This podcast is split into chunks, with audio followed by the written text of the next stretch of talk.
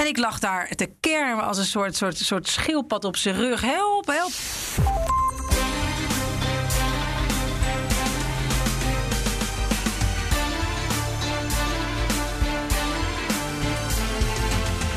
Welkom bij aflevering 69 van de Italië-podcast. Ik ben Evelien Redmeijer. Ik ben Donatello Piras en in deze gloednieuwe aflevering kijken we naar de aanstaande presidentsverkiezingen in Italië. Dat is een event dat eens in de zeven jaar zorgt voor meer theater en ophef dan de monarchie in Nederland.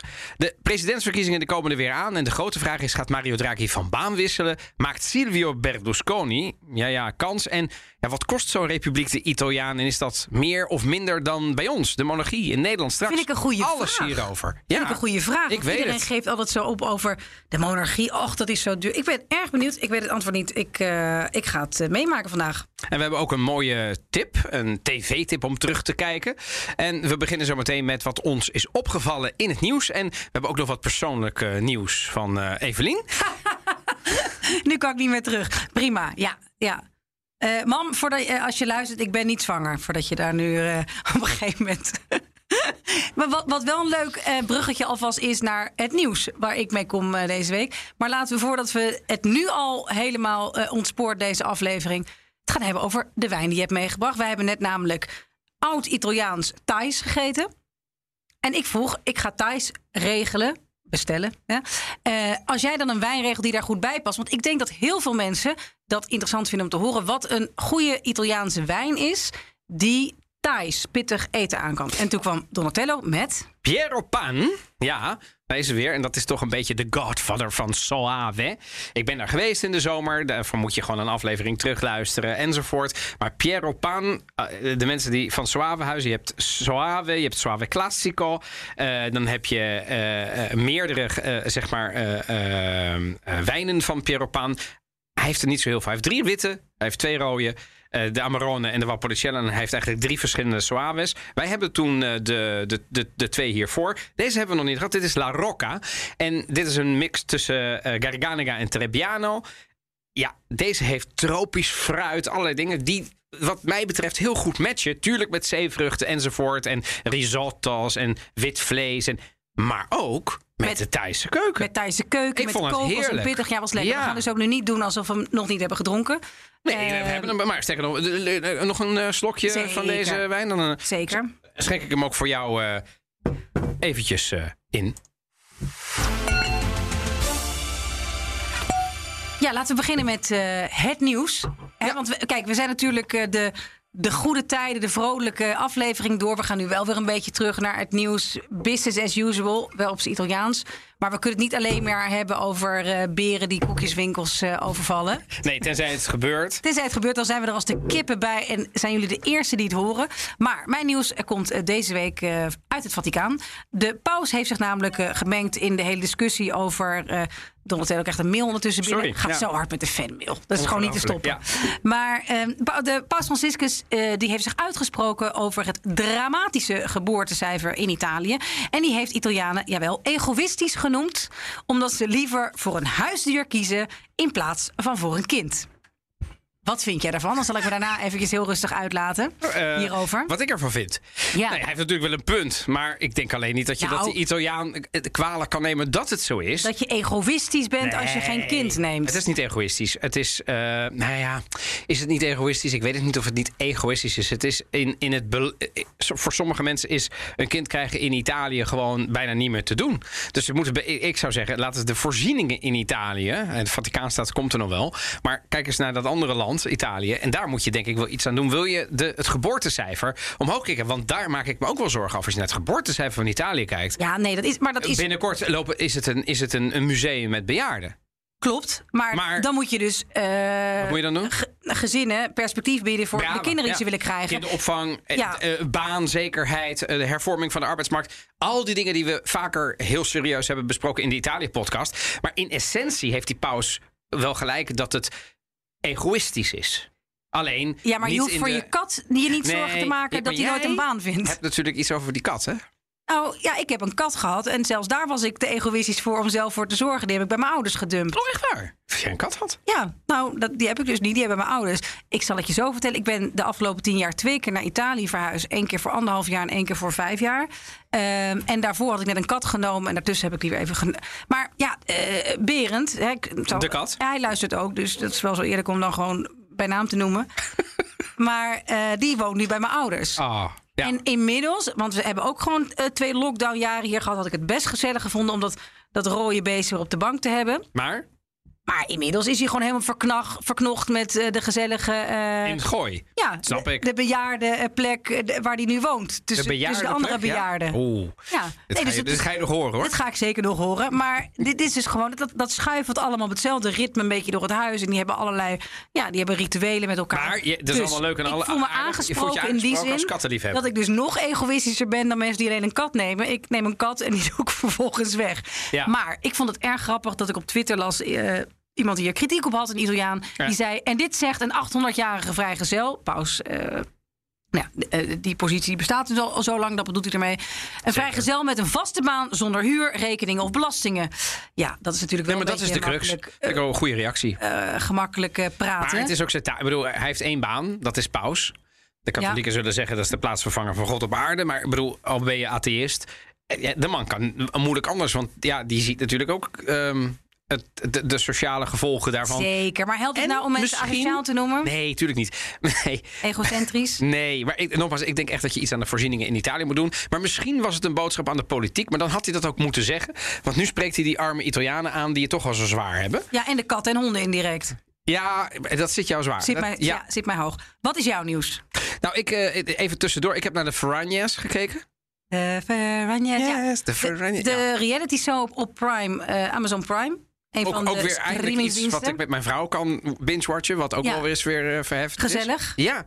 Eh, en, en ik moet zeggen, ik vind, het, eh, ik, vind het, ik vind dat het en goed gemaakt is. Ik kan er goed naar kijken, met name door de beelden van Milaan. Maar ik vind het ook minder gemaakt dan ik had verwacht. Ik dacht, oh mijn hemel.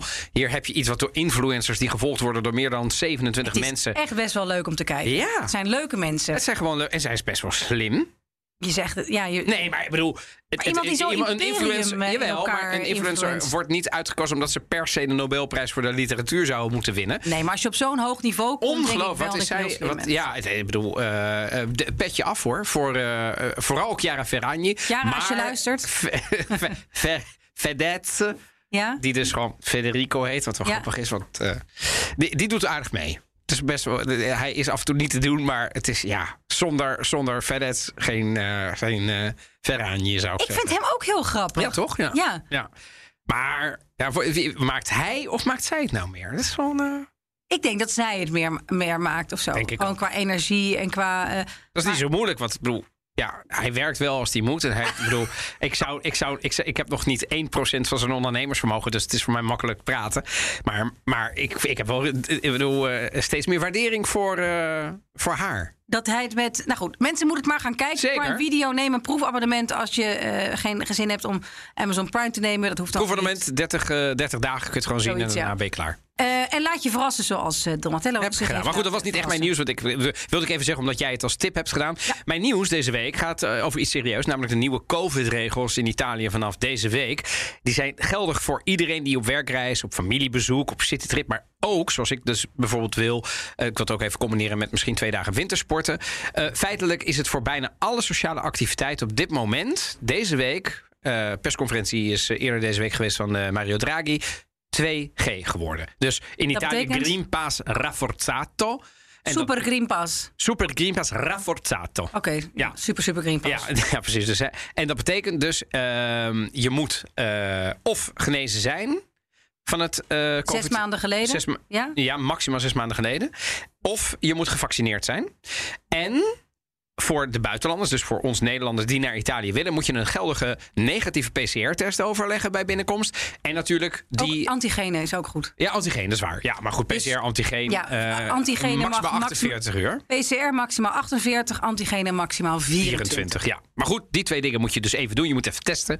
En natuurlijk dat Digital Passengers Form. Want daar houdt dus natuurlijk nog aan vast. Daar heeft nog nooit iemand bij mij naar gekeken. Nog nooit. Mm, Bij jou ook niet, toch? nog nooit. Nee, maar dat moet wel. Dus dat staat ook allemaal in. Maar dan kun je gewoon naar Italië. En ik bedoel, wij, eh, wij houden wekelijks contact met de mensen die daar wonen, of dat nou familie of vrienden zijn. Het is best te doen hoor, met een mondmasker, zeg ik. Alles, uh, ja, zeker. Ja. zeker. En, en vooralsnog is alles open, maar nogmaals wel met beperkingen. Um, en um, Evelien? voordat, ik, nee, voordat wij naar het hoofdonderwerp gaan. Ja, nee, uh, ik heb uh, heugelijk uh, privé-nieuws. Ik ben verhuisd binnen Amsterdam. Mm -hmm. Ik ben een paar ringen naar binnen gegaan. Dus ik woon nu midden in de Jordaan. Je woont ben, in de Jordaan? Ja, ik, ben, ik woon in de Jordaan. Ik ben gaan samenwonen. Ja, ja blijf, blijf rustig zitten. Wow. Ik heb een Italiaanse ex minder. Oh! Omdat het geen Italiaanse ex meer is. Ja, nee, dus eigenlijk uh, ben ik weer, heb ik altijd contact mee gehouden. En dat is uh, nooit helemaal uitgedoofd. En, en, en, hebben we het over de Napolitaan? Nee, hebben we het over de Napolitaan. Lorenzo! Lorenzo, ja. Ah. Nou, Lorenzo is op wow. vliegtuig gestapt. Echt en, waar? ja, de Voor jou? Voor mij. en de, de oplossing zat hem daarin. en nu zijn we het weer nou, ja, met z'n twee aan het proberen. Dat klinkt wel erg onzeker. Zonder al te heel in jouw privéleven te willen duiken. Ja, dat heeft, maakt de luisteraar helemaal niet. Maar oh, oh, uh, volgens mij was het heel lang lastig. Of jij naar Italië, ja. dat heb je natuurlijk al heel lang gedaan. Of Lorenzo met zijn baan naar Nederland. En dat is of nou helemaal niet. Of helemaal niet. En dat, is, en dat, en dat is nou helemaal lastig om zo'n uh, ingrijpend besluit te nemen. Zeker. En uh, ja, dus ik zit nu met iemand die uh, erg Italiaans is, uh, midden in Amsterdam. Ja. en dat Hoe gaat, is zijn inburgering gegaan? Nou, het gaat vooralsnog goed. Hij is al heel veel in Nederland zeggen, geweest. Is niet dat deze maar we zitten dus, ja, we zijn nu een, een, Nederlandse serie met Italiaanse ondertiteling aan het kijken, namelijk Undercover. Heeft geen plek in de Italië-podcast. Nee. Maar het is, het, is, het is heel gezellig. Ja, okay. nee, dus ik kan niet anders zeggen. Het enige is, ik zit Ja, hier ik- echt bont en blauw voor je. Want ik heb aan alle kanten bulten en schrammen. En, en nou ja, het is gelukkig een podcast. Je hebt een soort provinciaals ongeluk gehad. Ik heb nee, een heel, Jordanees ongeluk eigenlijk gehad. Ik ging de auto gebeurd? halen gisterochtend. Ja, dus En- ik lach, maar het is eigenlijk ja, heel... eh, en ik ging aan de binnenkant van een gracht. Oh. Dus om de, de- ja, de, de rijdersstoel eigenlijk in te gaan. Mhm. En dan zit je dus aan de grachtkant. En het was zo glad. En in een, in een split second schoot ik in één keer die gracht Oh, in. laat maar dan. Ja, Je bent gewoon in de gracht gevallen. ik ben gewoon in de gracht gevallen. Nou nee, een bootje brak mijn val. Alle mensen. En Dus- daardoor heb je al die bulten. Daarom, ja, dus aan de ene kant is dat een geluk bij mijn ongeluk. Want ik ben niet helemaal kopje onder gegaan, maar half. Want die boot lag vol met water. Maar ik ben wel achterover gevallen. En ik heb knieën, ellebogen, benen. Ik ben aan alle kanten een hele blauwe hand. Evelien. En ik lag daar te kermen als een soort, soort, soort schildpad op zijn rug. Help, help. Ik was alleen. Want, want Oh, je was alleen ook? Ja, ik dacht Lorenzo- Lorenzo daarbij was. Nee, die Lorenzo aan- stond te wachten, want wij hadden een heel sympathiek plan opgevat om de kerstboom ergens te gaan planten. Omdat hij niet weggegooid wordt. Wauw. Maar goed, dat is volgens uh, niet gebeurd. Wij maar versnipperen hem gewoon in het park. En ja, weer. Maar we, de- gaan, we gaan gewoon iets proberen. Wat fantastisch. Maar met dat initiatief, dat is mij bijna fataal geworden. Dus ik ben toen hulp gaan roepen. En toen kwamen er wat mensen langs. Die hebben mij een beetje aan de kant getrokken. Maar ik was vooral heel erg geschrokken. ik stond echt te trillen. Ja, wat ga je nu doen? Ik zei, ja, ik ga maar weer naar huis lopen. En eh, dus ik kwam zo aan eh, bellen van... ik ben in de gracht gevallen. En nu... Maar nu denkt Lorenzo dus. Ja, dat dat gewoon een soort dagelijks risico is. Hè? Het Een risico in Amsterdam is. Ja, je valt zo in de gracht. Je kunt ja. gerold worden in de. je als, kan- het, als de winkels weer open zijn. kan in de poep Amsterdam. Ik, oh, Je ja. kan in de poep stappen of je kunt in de gracht leiden. Alle mensen. Maar dat is, dat, dit, dit is jou ook nooit gebeurd, toch? Het is mij nog nooit gebeurd. Iedereen die ik het over heb, is het nog nooit En- en gebeurd. Dit is, ik bedoel, en je bent niet iemand die net een jaar in Amsterdam woont. Je hebt hier Nee. gestudeerd. Je hebt hier Nee, maar ik heb het met heel veel mensen erover gehad en die zeiden... Maar ik ken het. Ik heb wel eens zo strak geparkeerd dat, Dat ik zeg maar als een soort slangenmens via dat enige randje zo aan, aan mijn auto vasthouden, dan erin glipte. Maar als het dan glad is, dan lig je. En dat is jou dus gebeurd. Dat is mij dus gebeurd. Dus, maar heb je er eh, ook iets van geleerd? eh, spelende vrouw. nou ja, ik denk dat ik eh, de volgende keer de bijrijdersstoel ga nemen. Comunico il risultato della votazione. Quarto scrutinio. Presenti e votanti 995. Maggioranza assoluti dei componenti l'Assemblea 505. Hanno ottenuto voti. Mattarella 665. Ja, eh, de presidentsverkiezingen waren eh, zeven jaar geleden, in 2015. En toen won Mattarella. Dat hoorde je hier. En eh, nu op 24 januari aanstaande, dus dat is over een krappe twee weken, zijn ze weer in Italië. Ja, en het is een republiek, dus heeft het iets minder ceremonieel vertoon dan bijvoorbeeld onze monarchie, is vaak het idee. Dat is ook niet altijd waar. Italië- Ehm, veel gehoord misverstand, hè, want los van de parades en de her- herdenkingen, heb je dus ook eens in die zeven jaar deze verkiezing. En dat is dus nu aanstaande. En jij hebt lang in Italië gewoond en gewerkt. Dus jij hebt er denk ik minimaal twee ik heb er meegemaakt. twee meegemaakt. Want die- Mattarella was je er dus? Mattarella was ik er. En de tweede keer Napolitano, wat in 2013 was. ah, ja. Toen was een unicum was. Prodi geofferd werd, wat één groot schandaal was, komen we vast nog wel over te spreken. Maar toen is er dus een, een president die al stokoud was, moest toen langer blijven Ja. zitten. Ja, maar Napolitano En die was toen al bijna 90. Die was toen al bijna negen. En die heeft toen een soort woeste speech gehouden Ja. voor het parlement. Terecht, Van hoor. mijn hemel, prutsers. Onverantwoorde ja, politici. onverantwoorde politici. En ik weet nog, toen, ja, toen, eh, ik, dus die, die heb ik meegemaakt. Eh, maar ik, ik ben, ehm, ja, het, het, is een, het, is een, eh, het is een spektakel. Het is een belangrijk figuur, want hij bekrachtigt alle wetten. Zeker. Hij staat boven de partijen. Bij regeringscrisis is hij de man die het op een gegeven moment moet oplossen. Ja. En die bepaalt, jongens, eh, jullie moeten doorgaan. Er komt een doorstart, wat in Italië absoluut ongebruikelijk is bij een regeringscrisis. Dat er even watjes wat geshuffeld wordt. En zolang de meerderheid in het parlement is, gaan gewoon die partijen door. Voor mij met een hele nieuwe ministersploeg. Ehm, ja, het is ook niet een onomst- onomstreden figuur. eh, De president nee, van maar de- Italië. de- want- maar de laatste figuren zijn dat wel. Mattarella, Napolitano zijn ja, maar Napolitano tijdens heeft, hun, hun, hun, hun zittingstermijn Ja. zijn ze onomstreden geworden. zijn onomstreden geworden. Maar Napolitano heeft wel ook heel veel kritiek Zeker. gehad. Toen omdat hij allerlei wetten van Berlusconi... die eigenlijk er alleen maar op uit waren om zijn eigen persoon... en zijn eigen kapitaal te beschermen. Je Maar hebt hij het over Berlusconi. Berlusconi, ja, ja. Nee, precies, ja. Eh, dus, dus inderdaad dat hij wetten bekrachtigd heeft... die vooral Berlusconi zelf hielpen. Ja. En daar heeft hij zijn handtekening onder gezet. Nou ja, en hij, hij, hij zit. Hij, en dat is. Kijk, ehm, als je het vergelijkt. Hè, er zijn natuurlijk meerdere republieken in, in, in, in Europa. Je hebt de Duitse republiek. De president in Duitsland heeft nog minder macht dan de Italiaan. Maar Macron, de Franse president in het Elysée, die heeft meer macht. Dus de Italiaanse president. Ja. In Italië na de Tweede Wereldoorlog zijn natuurlijk allerlei scheidingen van machten geweest. om ervoor te zorgen dat er geen machtsvacuum meer. en dat er nooit meer een dictator kon komen. Daardoor heeft deze president minder macht. Dus eh, Draghi, de premier, heeft meer macht. Maar hij heeft, wat jij zegt, een paar essentiële dingen. Ehm, dat hij bijvoorbeeld op toeziet op naleving van de grondwet. En als, als hij vindt dat een handeling of een wet in strijd is met de grondwet, mag hij dat dus gewoon Ja. tegenhouden, eigenhandig. Ja.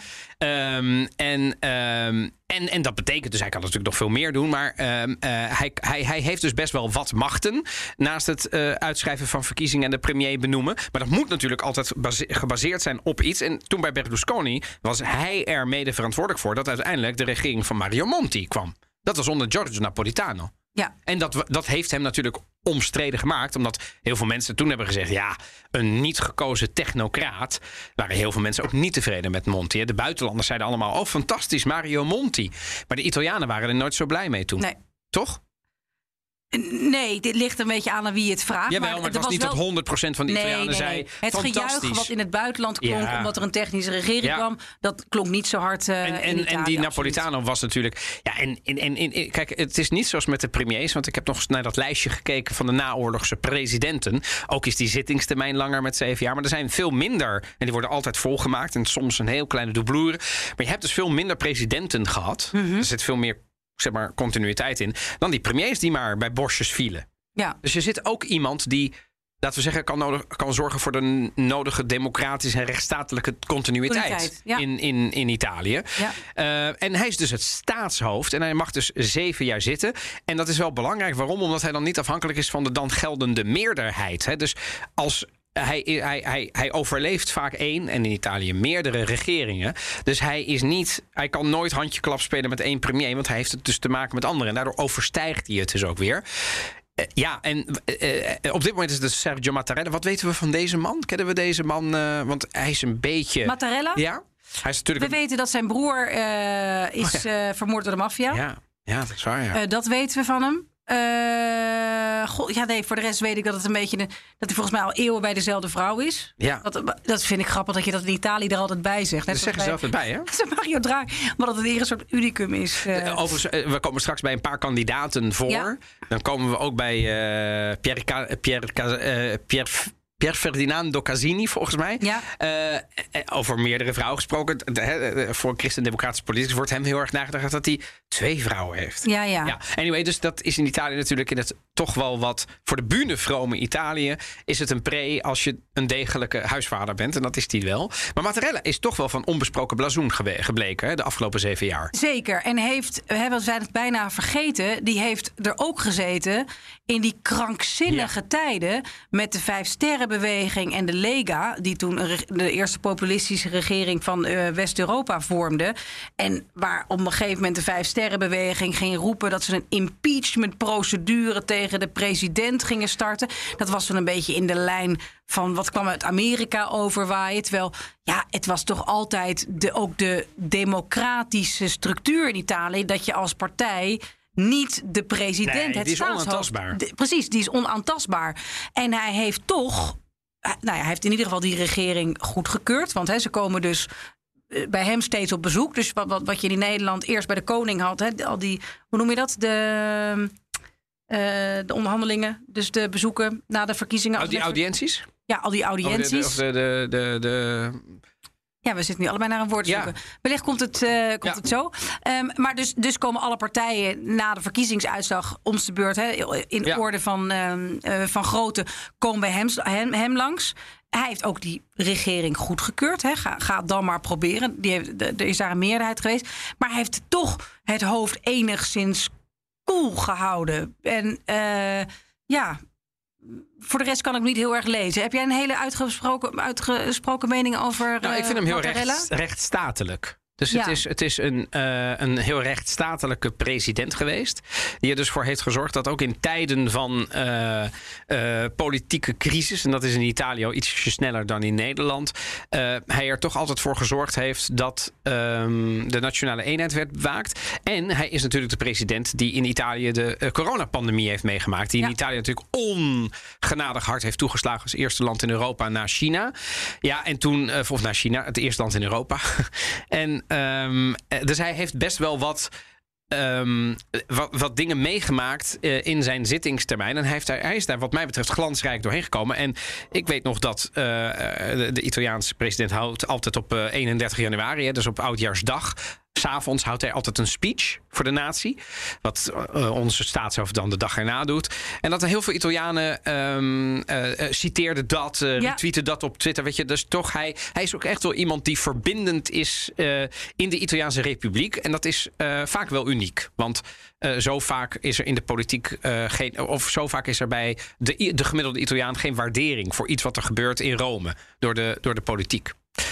Ehm, ja, en dan komen we uiteindelijk, gaan we zo meteen even praten over hoe werken die verkiezingen en wie maken er dan kans. Maar misschien toch ook eventjes de Nederlandse vraag stellen. Wat kost de gemiddelde eh, Italiaan zo'n republiek nou eigenlijk? Hè? Want wij maken natuurlijk in Nederland altijd, ieder jaar komt er bij de begrotingsbehandelingen toch wel weer een, een, in, de par- in het parlement altijd weer Zeker de, de, de Republikeinen hè, van, van D66 Huizen en bijvoorbeeld de SP'ers. Die maken Jij bent dan altijd- koningsgezind, toch? Jij bent toch gek op het Koningshuis?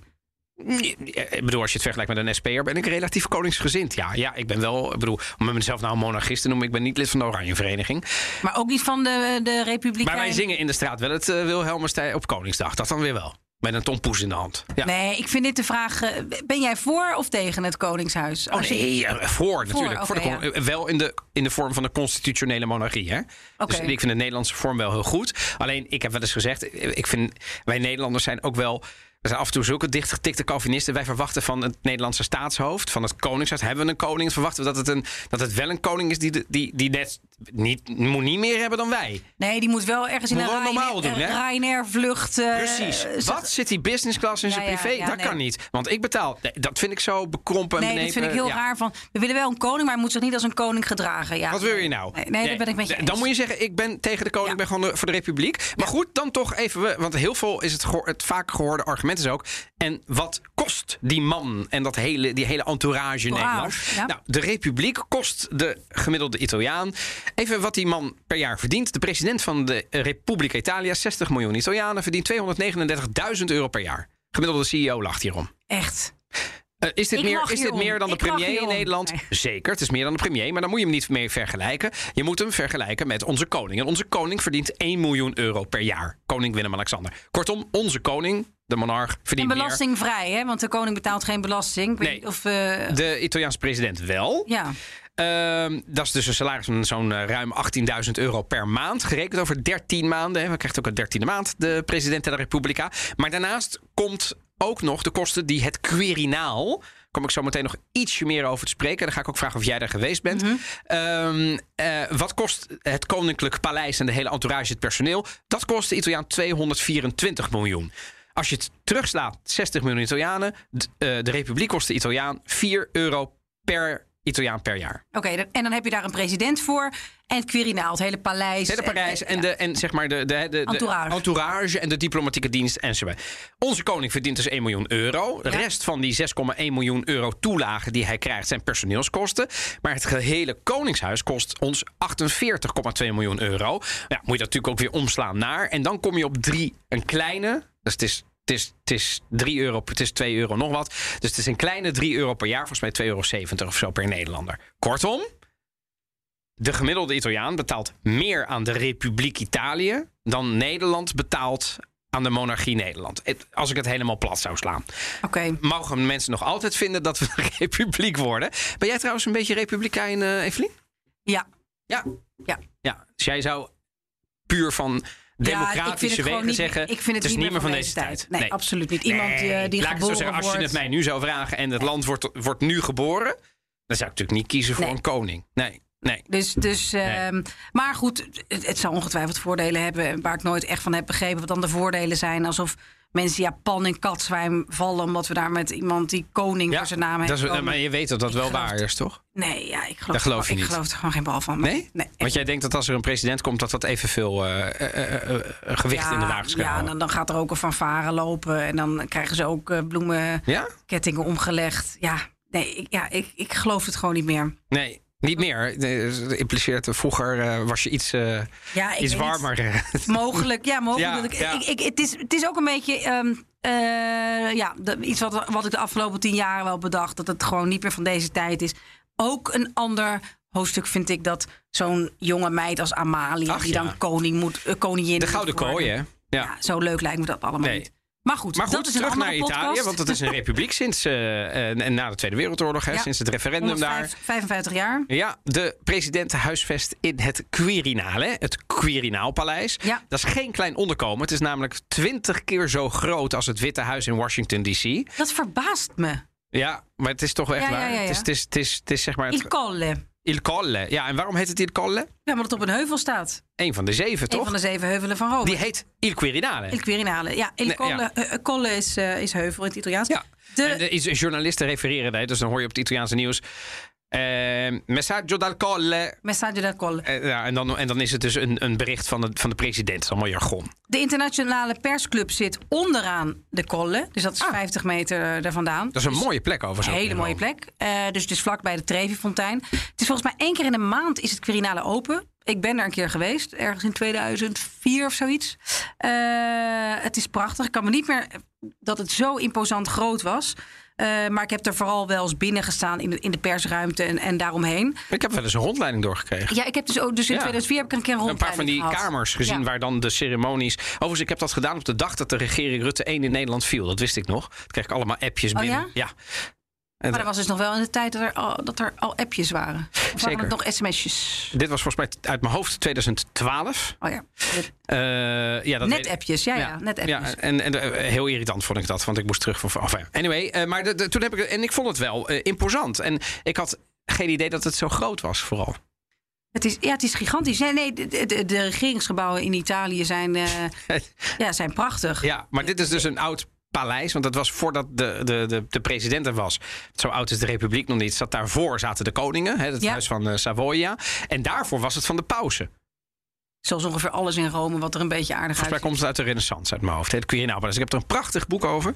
Eh, maar goed, het is geen eh, lesje cultuur. maar voor, voor, voor jij het een beetje mooi? Prachtig, ja, prachtig. Toch? Zeker, zeker. En het is ook ja, een mooi uitzicht. Je hebt daar een mooi soort van plein wat iets hoger ligt. Ja. Vlak bij de Oh, ja, Trevi-fontein. Eh, zeker, nee, het is, eh, het, het, het is hartstikke mooi. Maar laten we naar de verkiezingen gaan. Ja. Want het is nogal een procedure. We hebben in onze Instagram eh, filmpje al aangekondigd... dat het spannender is dan Ja. House of Cards. Zeker. Dat En is nogal wat. En dat heeft niet eens zozeer met de procedure alleen te maken. Want die procedure kan ik heel kort uitleggen. Namelijk de twee kamers. Eerste Kamer en de Tweede Kamer, dus de, de, het eh, parlement eh, in, Verenigd, komt bij elkaar. Plus 58 vertegenwoordigers van de regio's. Het zijn een soort hoge kiesmannen. Behalve Valle d'Aosta zijn er drie per regio. Er zijn 20 regio's. Nou, dan kom je hierop. Vervolgens eh, wordt er gestemd. Ehm, en ehm, dan moet je in de eerste drie stemrondes een tweederde meerderheid hebben van die mensen. En er zijn er, volgens mij, uit mijn hoofd zijn het er duizend negen nu, Ja. kiesmannen. En dan moet je dus een tweederde meerderheid hebben in de eerste drie stemrondes. En als het dan nog niet is, mag het in de daaropvolgende stemronde volstaan met de gewone meerderheid plus één. Dus 1009 gedeeld door 2 plus 1. Eh, maandag. En er wordt 24 blind januari. gestemd. Ja, precies. Dat, maakt het dus. ja, maandag dat 24 januari om drie uur begint het. En waarom is het spannend? Ik denk in de procedure is niet zo spannend. Behalve inderdaad, je mag blind stemmen. Ja, Dus dan mag je dus, stel nu dat je iemand wil omkopen, dan weet je nooit. Je mag ook geen selfies nemen. Je gaat er naartoe, je stemt blind en vervolgens wordt het opgelezen. En dan, en dat vind ik nog steeds wel. ehm, wel goed. Ehm, want nou ja, daardoor, daardoor, daardoor ehm, lijkt het eh, eerlijk te gaan verlopen. Maar het, het, eh, wij eindigen natuurlijk eh, eh, over de kanshebbers, want daar is het meeste over te vertellen. Ehm, er gaan hardnekkige geruchten dat Mario Draghi klaar is om van premier president te worden. Hij heeft al zoiets gezegd toch in zijn persconferentie ergens... eh, of aan het begin van het jaar of aan het eind van vorig jaar... dat hij zei, dat is niet aan mij, maar dat hij ervoor open zou staan, toch? Hij heeft toch een beetje zo daarop gehint? Ja, dat vind ik dan altijd moeilijk. Van allerlei pundits in de Italiaanse media... die maken er natuurlijk altijd zinspeling van. Ik heb het boek van, eh, in het boek van Bruno Vespa, eh, zijn laatste boek... ehm, eh, doet hij er ook allerlei... ehm, de laatste hoofdstukken doet hij er... Oh, een, parlement, een, een, eh, gerenommeerd journalist in Italië. ehm, doet er ook allerlei zinspeling over. En het schijnt dat hij, al, eh, dat- hij al heel lang bezig is met. Maar dat zijn mensen die dat zeggen. Hij heeft dat zelf nooit op die manier gezegd. Dus we moeten het een beetje uit de, uit de context halen. Ja. Maar dan, stel nu dat hij gaat. Ja, Heeft Italië meteen een acuut probleem. want er is er geen premier meer. En, dan, en deze premier heeft de meerderheid van alle partijen. Het is een regering van nationale eenheid. Ja. Doet allerlei belangrijke hervormingen. Eindelijk gaat het goed met Italië. Economisch, enzovoort. Als dit waar is... Ja, dan komt er, moet er een nieuwe premier komen. Dan worden de kamers ontbonden. Dan zou je ook nieuwe verkiezingen Ik denk niet dat de kamers ontbonden worden. Nee, dan moet je een nieuwe meerderheid vinden. Ik denk ook niet dat er een nieuwe meerderheid nodig is, maar dat hij hier al aan heeft gedacht. Want hij gaat natuurlijk absoluut niet Italië, Italië in een politieke in een crisis politieke storten. crisis storten. Nee, want dat zou natuurlijk het, het. Daar vrezen best wel veel mensen voor. Die zeggen, Ja. ja, maar dat is het alternatief. En eerlijk is eerlijk, dat zijn ook. eh, dan, dan heb je statements van de Italiaanse politici, zoals oud-premier Renzi of oud-premier Berlusconi. Hou. En die zeggen dat ook. Ja. Maar die hebben natuurlijk. En eigen belang. En waarom? Omdat ze het zelf willen worden. Nee, toch niet Renzi? Is Renzi iemand die meedenkt? eh, Nee, nee, maar die, nee. die doet allerlei statements nu. En dan zegt hij, ja, Draghi. En Dat, Ja, dat, ja, dat, ja. Dat, dat zou ik wel interessant vinden dat hij dat wordt. En dan denk ik, dat snap ik. Want dan ontstaat er een machtsvacuum natuurlijk weer in de, in de, eh, in de regering. En daar kan hij natuurlijk weer van profiteren. Want op dit moment. Eh, is het nog niet de gelopen race? Wie dan? Hè? Want in Zeker de peilingen is het, is het een soort chaos met op dit moment nek aan nek PD, dus de, de, de Italiaanse PvdA, en Fratelli d'Italia, Wat rechtser is dan wij hier de hebben. PVV ongeveer. Ja, PVV. Want Ja. Forum vind ik inmiddels een hele Dus dan heb je PVV en P van, P van de A in Nederland zouden dan nek aan de rest. Ja, dat is. Maar als je dan op gaat tellen, de rechtse partijen komen bijna aan 50% van de stemmen. Dus dat is Berlusconi, eh, eh, Salvini en, en Meloni. Kortom, eh, allemaal angst. En deze man maakt serieus kans, zeggen mensen. Abbiamo fatto un comunicato in cui è affermata la assoluta unità del centrodestra in tutti i partiti che sono ad oggi sei che lo compongono. E un po' di. Mi manca il respiro perché gli italiani devono. zijn. Silvio Berlusconi, daar is hij, Evelien. Ja. En hij maakt dus serieus kans in de zin Ja. dat hij dus officieel, Ja. deze man, met alle dingen die hij op zijn kerststok heeft, Maar weet op je wat een is? positie van een Hij is bijna... 85. Maar goed, dat, dat, het is 85. Hij is niet in hele goede gezondheid. Je kunt zeggen wat je wil. Hij, hij is eh, meerdere keren op geweest. Hij heeft hartoperaties gehad. Wat het, COVID ook gehad. is, wat het ook is waar ik mensen over sprak. Is stel je voor, want Italië is dus in een soort weg omhoog. Heeft nu, wordt eh, internationaal serieus genomen. Heeft een leider als Draghi. Als Berlusconi weer op zijn leeftijd. En eh, even nog los van wat je van hem in het verleden vindt. Inmiddels is hij echt oud. Eh, het is iemand Broze die er gezondheid. in broze gezondheid. Hij ziet er ook echt, mm, op zijn zacht gezegd, vreemd uit op het moment. Ik zeg niet dat het terecht is, maar het is naar het buitenland toe. Ja. Hè? Ik weet nog echt goed de jaren dat Italië een beetje de risée van de wereld was. We gaan het volgende week over de Costa Concordia hebben. Dat was Ah. echt vol in die periode. Hè? Berlusconi had afgezet. Schettino die eh, een boot tegen een eiland eh, eh, parkeerde. Ehm, dus het lachertje van de wereld zijn... dat Sil- Silvio Berlusconi weer om de hoek komt kijken. Goed, het zou kunnen, want de presidentsverkiezingen... dat heb ik ook geleerd van vrienden daar die het al langer volgen... alles is daar mogelijk. Dat Ja. klinkt een beetje als een ontzettend cliché... alsof we in de Voice of Holland zitten. En, ehm, eh, en de lijnen zijn nog open, je kunt nog steeds bellen... alles kan nog gebeuren. Maar het is bij de presidentsverkiezingen echt zo... dat de namen die het eerst genoemd worden... worden het bijna nooit. Er gebeuren er altijd rare, onverwachte dingen. In 2013 weet ik nog dat Prodi, die oud-premier was... eh, lang in de Europese Commissie had gezeten. Ook een soort over ja, partijen overstijgende rol had. Eh, die zou het worden. Er zou zelfs een eh, akkoord zijn tussen op dat moment links, hè, de Partito Democratico en de Vijf Sterrenbeweging. En nee hoor, hij is gewoon, eh, hij is toen keihard, ja, eh, is er een bedrog geweest op links. Ja. Waardoor allemaal mensen op, die zeiden dat ze erop gingen stemmen, toch Dat van de partij afweken. Nee, precies. En dat het uiteindelijk niet deed. Dat zelfs de partijleider moest opstappen. Dus kijk, wij kunnen nu wel zeggen, jongens, het wordt ongelooflijk spannend. Ik kan me ook wel voorstellen dat je echt heel erg in de Italiaanse politiek moet zitten om het zo spannend Nee, te vinden. te vinden, eens. Maar het Maar het en nu al- zeggen wie het zou moeten worden... ik zou het heel ingewikkeld vinden. Nee, maar ik zou het niet eens weten. Ik zou het ook niet weten. Ik, Ik weet denk- dus, Silvio Berlusconi wordt genoemd door rechts. Ja. En als je naar de cijfers kijkt, je hebt dus 1009 kiesmannen. Ja. Er zijn er 451 rechts. En links zou er dan of 415 hebben. Of als je Renzi en zijn parlementariërs meetelt met Italië wie we dan heb je er 459. Net ietsje meer. Ja. Maar in de eerste ronde gaat het dus niet gebeuren. Dus zelfs een herverkiezing van de huidige president, Mattarella, die niet wil, die al een nieuw appartement heeft eh, bedongen of eh, gehuurd in, eh, in, ergens in Rome. Die wil niet. Maar mochten ze er niet uitkomen op 24 januari, dat wat goed mogelijk is, dan blijft Mattarella tijdelijk zitten. Tot er wel een nieuwe president is, nieuwe verkiezingen, et cetera. Maar het is tot het allerlaatste moment spannend. In die zin spannend bedoel ik, dat eigenlijk geen enkele politieke analist en zelfs de politiek in Italië, die weet het niet op dit Nee, moment. nee. Want Heerlijk, het toch? is niet te doen. Er zijn een paar kanshebbers. Nou, Draghi wordt genoemd. Berlusconi wordt genoemd. Pier Ferdinando Casini, dus die christendemocraat die zowel met links als met rechts Berlusconi heeft geregeerd. Is Kamervoorzitter geweest, dus dat zou kunnen. Paula Severino wordt genoemd. Dat is een vrouw, dat is een juriste, eh, hoogleraar. Maar ze is ook oud-minister eh, in het kabinet van Mario Monti geweest. En Oh ja. eh, Giuliano Amato, een oud-premier, een, een, een linkse premier. Hè, Partij van de Arbeid weer, van de Partito Democratico. Die hoor ik overigens steeds minder. Die werd een week geleden nog genoemd, nu niet meer. En Marcello Pera, wat een... Ja, het is een, een, een, een, een oud senaatsvoorzitter, eh centrumrechts ehm, en een filosoof. Die hoor ik ook steeds minder. Dus ja, ik, als ik het nu zou moeten zeggen, Evelien, ik zou het niet durven doen. Ik denk niet dat Berlusconi het uiteindelijk wordt, want ik denk dat geheel links hem eh, laat liggen. Ja, dat denk ik ook. Eh, en ik denk toch ook dat een gedeelte van rechts wat Juist. verstandiger is hem laat liggen. Dus dat, dat is het zou- heerlijke ja. van, eh, van anoniem stemmen, hè? Nobody Je knows. kunt tegen Berlusconi zeggen, ma certo cavaliere, Certo, certo, cavaliere, ma non si preoccupi. En dan vervolgens, maar Draghi, het, dus, en er zijn dan twee scenario's. Mensen die zeggen, nou als Draghi het wordt, kan die ook daar, in de, eh, als president, kan die allerlei diplomatieke taken uitvoeren. Hij kan ook met de Duitse president, weet je wel. Ja, maar tegelijkertijd vind ik het, de dagelijkse gang van zaken is wel lastig, hè, daar. Ja, Dan. Want dan moet er een nieuwe premier komen. Ik zie nu niet Wie dat die dan nieuwe premier worden. waarvan ik denk... nou, dat is een hele goede vervanger van Mario Draghi... op het Italiaanse toneel. Laten we daar eens mee beginnen. Maar daarnaast ook nog op het Europese en wereldtoneel. Wie moet dat dan doen?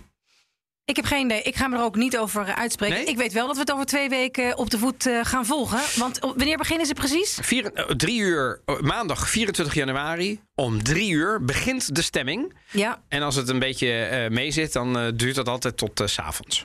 ja maar voordat, dat duurt wel meerdere dagen, toch? Dat Soms duurt het zelfs meer. Ja, ik bedoel, het is af en toe. Want dan is er weer een eerste, Dan tweede gaan we- stemming. dan gaan, gaan ze het schorsen, dan gaan ze de volgende dag door. Gaan we dinsdag de 25e opnemen? En dan hebben we, of de pre- dan hebben we de president. Kunnen we in ieder geval iets Hebben we zinniger... dan een interview met de president? Zeker. Ik denk dat hij daarnaast zit dan. Oké. Ma sai usare una telecamera? No, Meglio il cellulare. sì. Io mi chiamo Alessandro Antonelli, eh, tengo 16 anni. Hai letto il cartello che era per i ragazzi di 16 anni? Come, non l'ha letto? Quanti anni hai? Ne tengo 23. E perché stai facendo sto provento? Niente.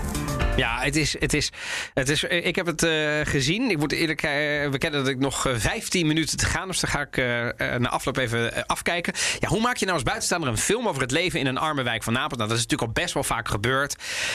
En misschien nog wel ingewikkelder. Hoe word je als volwassen filmmaker onderdeel van het leven van Italiaanse jongeren in Napels? Nou, regisseur Agostino Ferrante, die kwam op een briljant idee. Hij gaf verschillende tieners in het Napolitaanse Traiano een telefoon waarmee ze in alle vrijheid een leven in beeld mochten brengen. Dat leverde een best wel intieme film op. Waarin de beste vrienden Alessandro en Pietro hun camera's constant op de selfie-stand hebben staan. Ook op een hele puberale manier. Dus dan hangen ze gewoon op de bank en dan zie je enorme kop in beeld. En dan, overigens, ik ben blij dat het ondertiteld is, want zo goed spreek ik niet Napolitaans. En ik denk dat de film 80% Napolitaans is. Ja. Ja, dat, um, en dan moet je echt wel, echt wel heel goed. En ik maar wat een geestig idee zeg. Ja, en, en deze jongens die wilden dus laten zien hoe hun leven eruit ziet. Nou, dan denkt iedereen, oh, dat gaat natuurlijk over de misdaad. Dat gaat natuurlijk over de maffia ook. Want er is natuurlijk een jongen dood. Helaas uh, van, van buurtvriend Davide. En daar heeft die jongen op een gegeven moment ook een t-shirt van. En dan legt hij uit hoe moeilijk dat is. Maar ja, die jongen was helemaal niet verkeerd. Die is gewoon per vergissing geraakt door een politiekogel. Ja, allemaal echt vreselijke verhalen. Maar er zitten ook wel ontwapenende, puberale, alledaagse momenten in.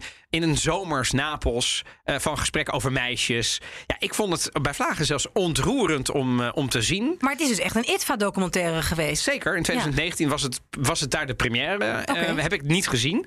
wist ik ook niet. Um, en ja, ik, ik vond het echt de moeite waard om het te kijken. Hij duurt een ruim uurtje, uren, vijf minuten of zo. Dus ja, het is, het is echt een, een, een, kwalitatief goede film. Ook soms heb je het af en toe, ik moet over kritische noot, af en toe heb ik het even gehad met die selfie-stand. Want hoewel ze dat best wel steady hebben gemonteerd, maar af en toe denk ik. Dan, dan komt er dus bijvoorbeeld iemand binnen in een keuken. Maar dan hebben ze dus dat ding ergens op een schoorsteenmantel gezet. En dan hoor je wel stemmen, maar je, je kijkt tegen een blinde muur. En dan denk je, ik wil hallo, dat die camera hallo, penst. Ik, ik wil dat die, ja, maar, maar goed, dat is, dat is ook wel weer deel van. Want dan, pakken ze, dan komen de jongens binnen, dan pakken ze die camera weer op, die telefoon. Dus het is, ja, het heeft wel iets. Uh, echter wordt het niet. Uh, nee, zeker niet. Maar heb jij, hem, uh, heb jij iets gezien ervan? Ik heb hem niet gezien. Ik heb wel gezien dat hij aanstaande Hoe goed vrijdag... is Napolitaans? Uh, aardig goed. Maar... Zou je het zonder ondertiteling aandurven? Nee, absoluut niet. Maar dat lukt me ook niet mee. Gomorra, waarover volgende week meer. Oeh. Ja, ja. Ja, ja. Ik ben benieuwd. Maar wat wilde je zeggen? Overigens. Aanstaande, aanstaande vrijdag, vrijdag, 14 januari, of afgelopen vrijdag, als je deze podcast later luistert, is hij ook gewoon op je televisie bij de VPRO. En anders kun je hem gewoon terugkijken. Kijk, gewoon tv online, kijken, mensen. Tweedok. Ja, gewoon, ja. gewoon lineair kijken. Ja, een tweedok. Komt helemaal terug. Ja, nu kun je hem nog. Uh, hè, dus voor vrijdag kun je hem nog niet op tweedok. Want dan zeggen ze nee, kijk maar gewoon live. Dan kun je hem terugkijken. En als je echt heel laat bent en je luistert uh, dit uh, fragment in de zomer van 2022. En je rijdt nu door Italië. En je denkt, oh, ik wil vanavond in mijn bed and breakfast dat kijken. Ga dan naar Vimeo. Want dan kun je hem voor 5 euro gewoon huren. En dat brengt ons aan het uh, einde van deze Italië-podcast. En fijn dat jij ook in 2022 blijft luisteren naar deze podcast. Vertel het vooral je vrienden, je lokale Italiaanse winkelier of winkel of leverancier. Um, maar ik ben benieuwd, wat gaan we volgende week doen, Evelien? Nou, ik had net al een kleine hint gegeven, maar we gaan volgende week richting l'Isola del Giglio, Vada a Bordo Cazzo. Uh, het is namelijk deze maand precies tien jaar geleden oh. dat de Costa Concordia kapseisde voor de kust van het eiland Giglio. En dat Schettino de geschiedenisboeken inging. Hoe is het nu met hem? Hoe is Ja. het nu met de boot? Ehm, ja, wat gebeurde die, die nacht allemaal precies? Dit is natuurlijk, het is natuurlijk wel een van de meest bizarre gebeurtenissen uit de hedendaagse Italiaanse geschiedenis. Dus dat allemaal volgende week. Wil je nog meer afleveringen van de Italië-podcast luisteren? Dan vind je ons in de BNR-app of je favoriete podcastplayer. Bedankt en heel graag tot de volgende week. Ciao, ciao. Bye bye.